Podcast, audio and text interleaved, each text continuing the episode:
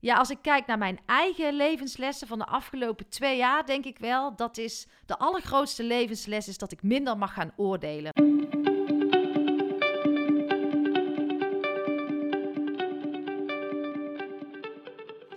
Welkom bij seizoen 3 van de podcast Stilstaan voor Dummies. Een rehab voor druktemakers, eerste hulp bij stilstaan. En dit seizoen gaan we een stapje verder, een stapje dieper. We gaan de stilte doorbreken. Want inmiddels weet je alles over stilte. Want vaker stilstaan is goed voor je lijf, voor jouw mind en voor het luisteren naar dat stemmetje in jou. En durf te luisteren naar wat roept. En dat is al een grote uitdaging.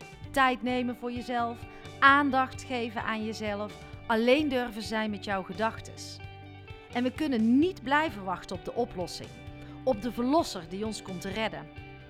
De oplossing zit niet in veel, in meer, in drukte, in veiligheid, comfort, verdoven of vluchten. Die oplossing die zit in jou en we gaan het samen aankijken. Jij mag het gaan aankijken. Jouw mooie kanten, maar zeker ook jouw schaduwkanten. We kunnen in van alles investeren: in vastgoed, bitcoins, Netflix. Maar de meest waardevolle en nodige investering die ons roept, is die in jezelf. Dat is het medicijn. Want als jij iets in jezelf verandert, daarin jouw verantwoordelijkheid gaat nemen, verandert ook de wereld om jou heen. Het start bij jou. Laten we elkaar hierin helpen, de verbinding zoeken en het is tijd voor actie.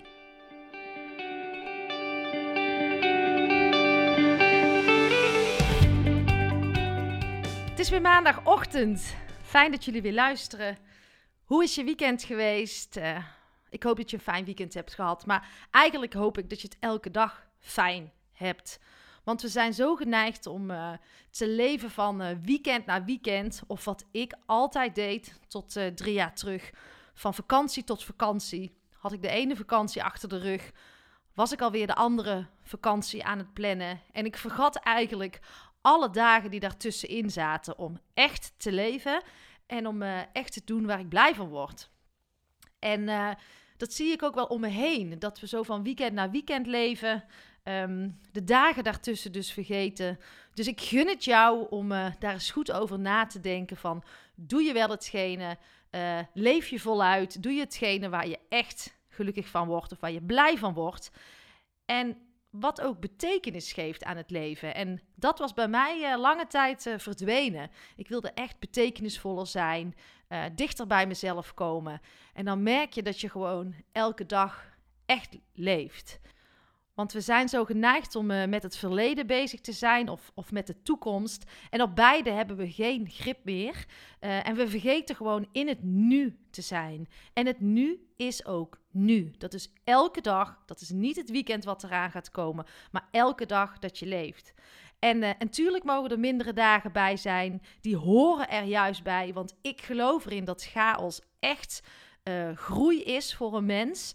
Um, maar we vergeten om echt in het nu met aandacht met onze eigen dingen bezig te zijn.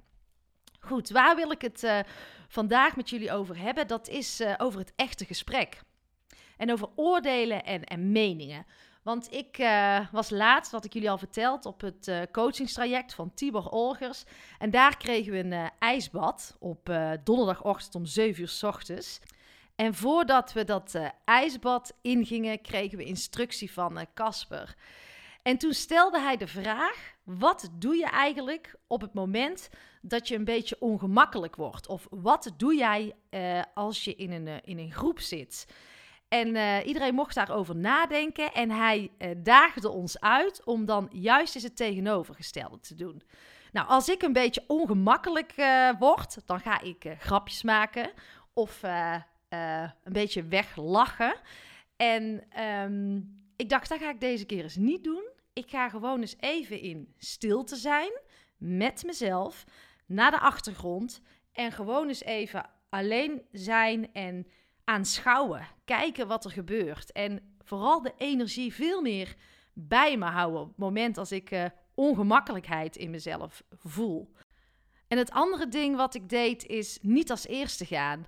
Want als Casper die vraag niet aan mij had gesteld, was ik geneigd geweest om als eerste te gaan. Om uh, als vrouw te laten zien dat ik niet onderdoe aan de mannen. En nu dacht ik ook, weet je, dit hoeft ook helemaal niet. Want waarom doe ik dat eigenlijk? Dus ik ben veel meer in een afwachtende houding gegaan. En gewoon eens gaan kijken en andere mensen de ruimte geven om als eerste te gaan. En uh, ja, dat was echt een geweldig inzicht. En ik vond het ook nog eens super prettig. Ik ervaarde daardoor heel veel rust. Dus misschien alvast een uitnodiging aan jou voor deze week. Kijk eens bij jezelf, uh, voel eens wat gebeurt er bij jou als je jezelf ongemakkelijk voelt. En uh, hoe reageer jij in een groep?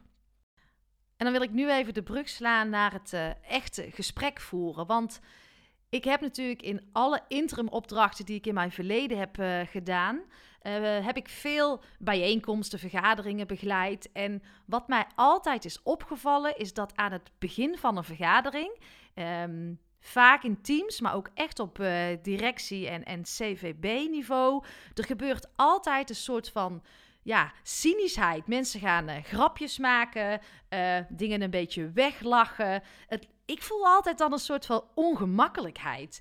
En een tijdje geleden hoorde ik in een uh, podcast met bijzonder hoogleraar Aukje Nauta dat cynisme eigenlijk een graadmeter is voor schaamte. En wat gaan we dan doen? Dan gaan we stomme grapjes maken als we die ongemakkelijkheid in onszelf voelen. En dat is wat ik dan ook precies voelde in die gesprekken. Want dan stond ik daarna te kijken en dan dacht ik: oh, er zit een laag onder die we niet met elkaar weten te raken. En het is zo zonde, want voor mijn gevoel verbinden we dan ook niet met elkaar. En um, de verbinding zit, wat mij betreft, echt als we die die maskers af durven doen, die identiteitslaag, die rol die we spelen in een organisatie. En dat we veel meer die verbinding gaan maken van hart tot hart. Want um, ja, dat was ook wel wat mij altijd verwonderde is van waarom zijn we op het werk zo'n andere persoon dan dat we thuis zijn? Ik heb vaak het idee dat we een rol aan het spelen zijn op het werk. Want Waarom mag je af en toe geen slechte dag hebben? Uh, alles moet misschien goed zijn. Uh, het echte gesprek komt niet op tafel. Uh, je vindt het lastig om je kwetsbare kant te laten zien.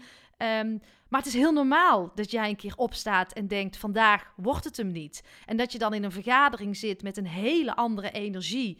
Uh, en, en, je daar misschien op dat moment helemaal je ei niet kwijt kan, omdat je je niet lekker voelt, maar het niet bespreekbaar maakt. Terwijl we het allemaal hebben. We lopen allemaal tegen dezelfde dingen aan: de onzekerheden, onze kwetsbaarheden, onze angsten. Maar er wordt niet over gesproken. En dat is dood en doodzonde, want daarmee missen we de verbinding en het, en het echte gesprek. En slikken we dus maar dingen in, uh, zijn we niet eerlijk naar onszelf en dus ook niet eerlijk tegen elkaar. En wat mij betreft mag in deze tijd, juist in deze tijd, veel meer het echte gesprek op tafel. Um, we merken allemaal dat er polarisatie is. Daar kunnen we niet voor wegkijken. Maar probeer eens nieuwsgierig naar de ander te zijn. Probeer je ego eens aan de kant te zetten. Uh, je oordeel en je mening uh, even los te laten. En oprecht nieuwsgierig te zijn naar de ander. Want ieder mens is anders. Nou kan ook nog de vorm van een dag anders zijn.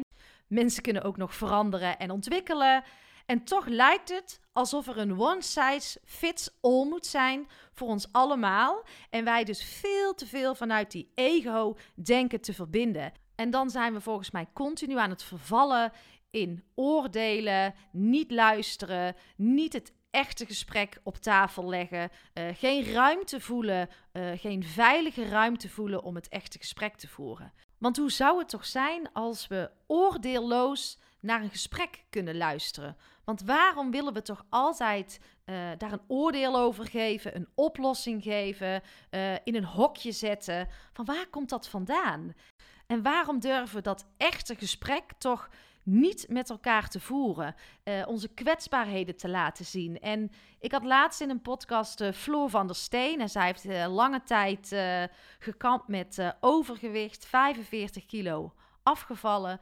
En toen zei ik van, ja, je ziet het eigenlijk om je heen, maar je voert het gesprek niet. Hoe kun je nou goed zo'n gesprek voeren? Uh, wat heb je dan van me nodig? En toen zei ze van ja, eigenlijk wordt het altijd al gelabeld met iemand die te zwaar is, eet te veel. Terwijl er tig redenen zijn. En um, daardoor wordt er heel vaak ook de ruimte niet gevoeld om, om het echte gesprek te voeren. En toen dacht ik, ja, dat is zo. Dunne mensen eten te weinig, uh, dikke mensen eten te veel. Nu misschien ook met de mensen die wel of niet de prik nemen, wat allemaal goed is. Uh, daar wordt ook gestigmatiseerd. Um, uh, we hebben het al ingevuld voordat het echte gesprek op tafel is. En ik denk dat we daar wat te doen hebben met elkaar. En ik zou je willen aanmoedigen, ik zou je willen uitnodigen om eens wat oordeellozer naar een situatie te kijken. En gewoon eens naar de mens te kijken. En eens te kijken, spreekt nu mijn ego? Of um, leg ik er nu weer een label op? Of voel ik mijn hart die nu spreekt? En heb je jezelf wel eens afgevraagd van dat oordeel? Ligt dat aan de andere persoon? Of is dat iets wat ik doe? En waar komt dat vandaan? Hoe is dat ontstaan? En klopt het wat ik denk over deze persoon? Is het eerlijk wat ik doe? Is het waar wat ik denk? Is mijn gedachte over deze persoon of over deze situatie waar? Nou, ik geloof dat het uh, mooie vragen zijn uh, voor de komende week. Om eens af en toe even in te tunen en jezelf dit soort vragen te stellen. Want ik denk als iets nodig is, is dat we vanuit dat hart weer leren met elkaar te verbinden. En dat we dat ego uh, aan, aan de kant kunnen zetten. En juist in die diversiteit, juist enorm weer die eenheid mogen gaan voelen. En daar maak ik me graag hard voor. En ja, als ik kijk naar mijn eigen levenslessen van de afgelopen twee jaar, denk ik wel dat is de allergrootste levensles is dat ik minder mag gaan oordelen. Want als iemand oordeelde, hard riep, uh, iemand in een hokje stopte, dan was ik het. En uh, dat voelde gewoon niet meer goed. Voelde niet meer zuiver. En ik merkte dat ik daarmee uh, eigenlijk veel minder bereikte in de verbinding. En toen ben ik bij mezelf eens de vraag gaan stellen: ja, waarom doe ik dat eigenlijk? Waarom oordeel ik? En is het waar? Is het eerlijk?